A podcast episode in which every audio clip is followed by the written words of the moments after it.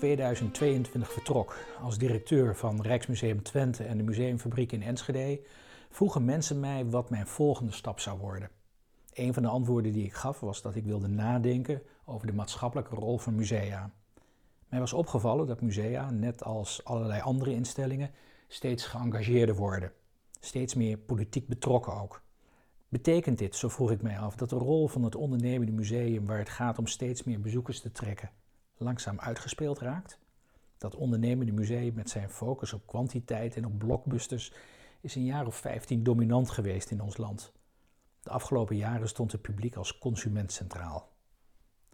Voor die tijd, in de jaren 80 en 90 van de vorige eeuw en de eerste jaren van de 21ste eeuw, hadden de vakspecialisten het voor het zeggen in musea.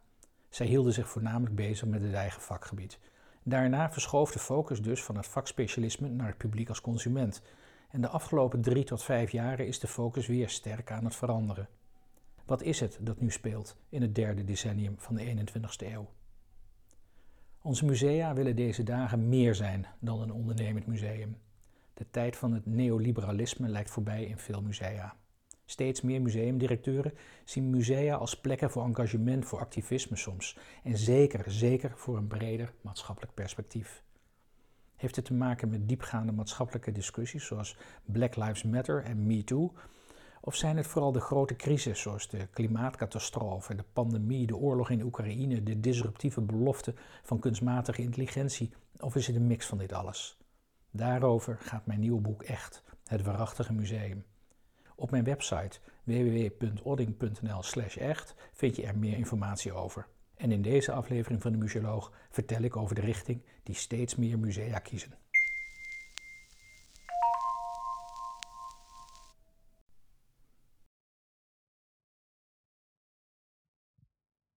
Het is aardedonker. Scherpe laserstralen doorsnijden de zaal zonder deze te verlichten.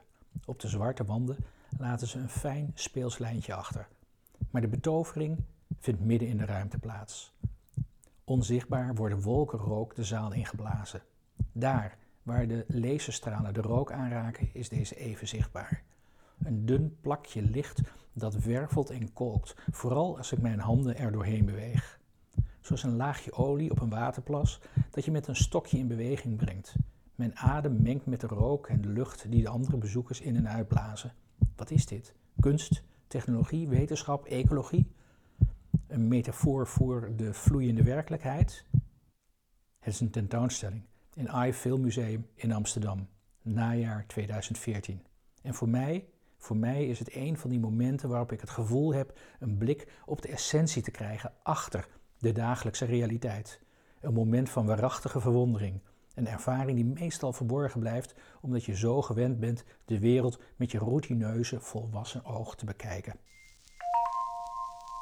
Nog zo'n ervaring, maar tegelijk volstrekt anders, heb ik in het najaar van 2019 in het Design Museum in Den Bosch. Het Design Museum heeft het aangedurfd een waarachtige tentoonstelling te maken over de vormgeving van het Derde Rijk. Van een Volkswagen Kever tot het dressoir van Hitler. En van een horizontaal opgebaarde rode vlag met hoekige swastika tot grimmige adelaars op standaarden die soldaten met zich meedroegen. En natuurlijk, van de gezonde ubermensch met krachtige kaaklijn van Arno Breker tot de imponerende architectuur van Albert Speer. Ik loop een beetje bedremmeld door de tentoonstelling als ik de esthetische aantrekkingskracht van het fascistische design ervaar. Met esthetiek overtuig je mensen, dat begreep Goebbels wel. Voor het eerst in mijn leven voel ik hoe de verlokking van een boosaardig heroïsch verhaal in een mooie verpakking werkt. Alhoewel de duistere verhalen vooral ontleend zijn aan een mythisch Germaans verleden, is de vormgeving geënt op de heldere structuur en de strakke lijnen die je bijvoorbeeld ook in de vormgeving van het Bauhaus ziet. Zo hebben we het fascisme lang niet bekeken, want na de oorlog zijn al die fysieke herinneringen opgeborgen, waardoor we die wereld vooral kennen in zwart-wit en van korrelige filmbeelden. Deze tentoonstelling toont je met frisse blik de verleidelijke verpakking van een gruwelijk verhaal. Wie kon er 90 jaar geleden weerstand bieden aan zoveel brute overtuigingskracht? Dat is de tweeledige boodschap van deze uitzonderlijke tentoonstelling. De essentie van de toekomst is dat we niet weten hoe het verder gaat. Zalig zijn de onwetenden en ik wil dat graag zo houden. Want als één of meer van de genoemde crisis uit de hand loopt, dan zijn we nog niet jarig. Ik leef liever in een tijd van onzekerheid dan in een tijd waarin de klimaatverandering definitief uit de hand is gelopen. Of waarin kunstmatige intelligentie de teugels heeft overgenomen. Of waarin de Amerikaanse democratie verworden is tot een heuse autocratie. Of waarin de NAVO echt gaat vechten met de Russen, om maar enkele van de mogelijke verstoringen te noemen. Het kan allemaal nog goed komen, maar die dreigingen ondermijnen ook het gesprek. Republikeinen spreken nauwelijks nog met democraten. Shareholder value botst met stakeholder value. Wappies liggen overhoop met woke, alhoewel die typeringen nauwelijks nog kunnen worden gebruikt. Op sociale media wordt vooral gescholden en voor het overige graaft iedereen zich in in de loopgraven van het eigen gelijk. De maatschappelijke stormen jagen de golven naar gevaarlijke hoogte en dan is het niet verwonderlijk dat ze ook door de zalen van musea spoelen. De rol van musea is bescheiden, maar ze vertellen wel verhalen met echte objecten of echte verschijnselen. De waarde daarvan in een periode waarin alles digitaliseert en oplost in een bestandje in de cloud is niet te overschatten. Die echte objecten staan niet voor een onveranderlijke waarheid. Ze worden ingezet om waarachtige en hopelijk oprechte verhalen te vertellen. De tentoonstelling in het Designmuseum waarschuwt mij voor de verlokkingen van de esthetiek en laat daarmee zien dat schoonheid iets anders is dan het goede. Dit in tegenstelling tot wat de traditionele verhalen ons lieten geloven. Tentoonstellingen en kunstwerken komen voort uit de menselijke verbeelding.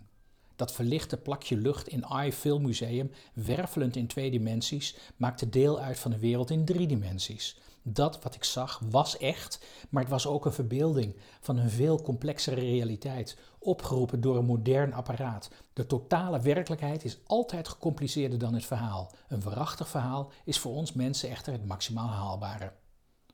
Op hun best geven musea ons nieuwe inzichten. Daarmee houden ze het gesprek gaande, maar dan moeten ze wel durven hun eigen positie te kiezen en hun eigen verhaal te vertellen. Want als ze niet meer zijn dan de spreekbuis van een ander, de wetenschap, de kunst of een bedrijf, dan vertellen ze slechts hun verhaal. Op hun best geven musea ons nieuwe inzichten. Daarmee houden ze het gesprek gaande, maar dan moeten ze wel durven hun eigen positie te kiezen en hun eigen verhaal te vertellen. Want als ze niet meer zijn dan de spreekbuis van een ander, de wetenschap, de kunst of een bedrijf, dan vertellen ze slechts hun verhaal. Musea hebben een eigen verantwoordelijkheid, want waarachtig willen zijn betekent ook dat je de moed hebt te twijfelen aan de grootste autoriteiten. Ze durft te bevragen. Waarachtig is handelen vanuit de gebrekkige menselijke conditie vanuit de creatieve twijfel. Steeds meer musea willen een geëngageerde koers varen. Ze willen traditionele drempels wegnemen en muren afbreken en ze willen al helemaal geen hek meer om de samenleving buiten te houden. Musea zijn maatschappelijke instellingen waar de grote vragen van onze tijd besproken kunnen worden, waar we proberen in gesprek te blijven. Maar ik aarzel over engagement dat uitgroeit tot museaal activisme. Activisme stelt de vraag of je bereid bent de wereld actief te veranderen. Maar is activisme wel te verenigen met het voeren van een maatschappelijke discussie? Want activisme betekent stellingname en daarmee zul je groepen van je vervreemden. Ik zeg niet dat we de discussie niet moeten voeren, maar wel dat al te activistische stellingname het gesprek zelf zal hinderen. Het is juist die uitzonderlijke positie van musea als plekken waar de meest uiteenlopende groepen mensen vertrouwen in hebben, die ze zo geschikt maakt voor het gesprek. In musea draait het immers niet om de verkondiging van een waarheid, maar om het zoeken naar waarachtigheid. Waarachtigheid is een kwetsbaar streven dat door activisme wordt verstoord. Waarachtig is veel meer dan juistheid. Het is een morele categorie Waarachtig is een oprechte poging om te doorvoelen wat goed en wat slecht is in een meerduidige werkelijkheid. Daarvoor bestaan geen objectieve maatstaven. Waarachtig is een menselijke verbeelding, een hallucinatie misschien, maar dat maakt het niet minder waardevol. Want waarachtig blijft een poging tot het goede. En dat is alles wat we hebben. Waarachtig is eerlijkheid ten opzichte van jezelf, je medemens en de hele wereld rondom. Waarachtig is dus accepteren dat er global warming is en daarna handelen. Dat er gediscrimineerd wordt, dat diversiteit blinde vlekken kent. Waarachtig is leven vanuit een opvatting over wat waardevol is. En die opvatting krijg je niet in de schoot geworpen. Daarover moeten we het hebben, voortdurend en met ons allen. Naar musea ga je om echte dingen te zien, authentieke bewijzen voor de verhalen waar je wereldbeeld op rust. Nogmaals, het gaat in het waarachtige museum niet om de versimpeling tot een karikaturaal wereldbeeld, maar juist om de nuance. Begrip voor verschillende perspectieven en voor alternatieve mogelijkheden. Musea zijn er om de twijfel te omhelzen. En vanuit die fundamentele onzekerheid tot een werkbaar verhaal te komen voor onze handelingen. Het doel is om op zoek te gaan naar inzichten waar we wel vertrouwen in kunnen hebben. Als we een gedeelde grondslag hebben voor wat we belangrijk vinden en als we daarover kunnen blijven discussiëren en debatteren, dan kunnen we democratisch samenleven. En alleen zo kunnen we ook in musea de grote vraagstukken van onze tijd hoopvol onder ogen zien. Het waarachtige museum is het geëngageerde museum dat de ambivalentie die de menselijke conditie eigen is, niet ontkent, maar als vertrekpunt kiest.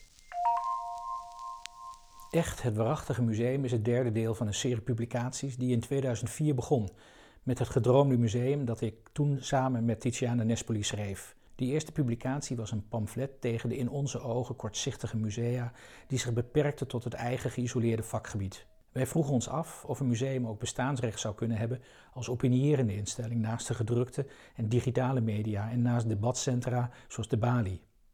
In 2011 publiceerde ik het Disruptieve Museum. Dat was het museum dat niet langer het vakgebied, maar het publiek en het maatschappelijk draagvlak centraal stelde. Het Disruptieve Museum was het ondernemende museum, passend bij de tijd. En nu, in 2023, volgt dus het geëngageerde museum of het waarachtige museum. Musea blijven zich aanpassen aan de tijd. Echt, het waarachtige museum is verkrijgbaar via mijn website www.odding.nl/echt.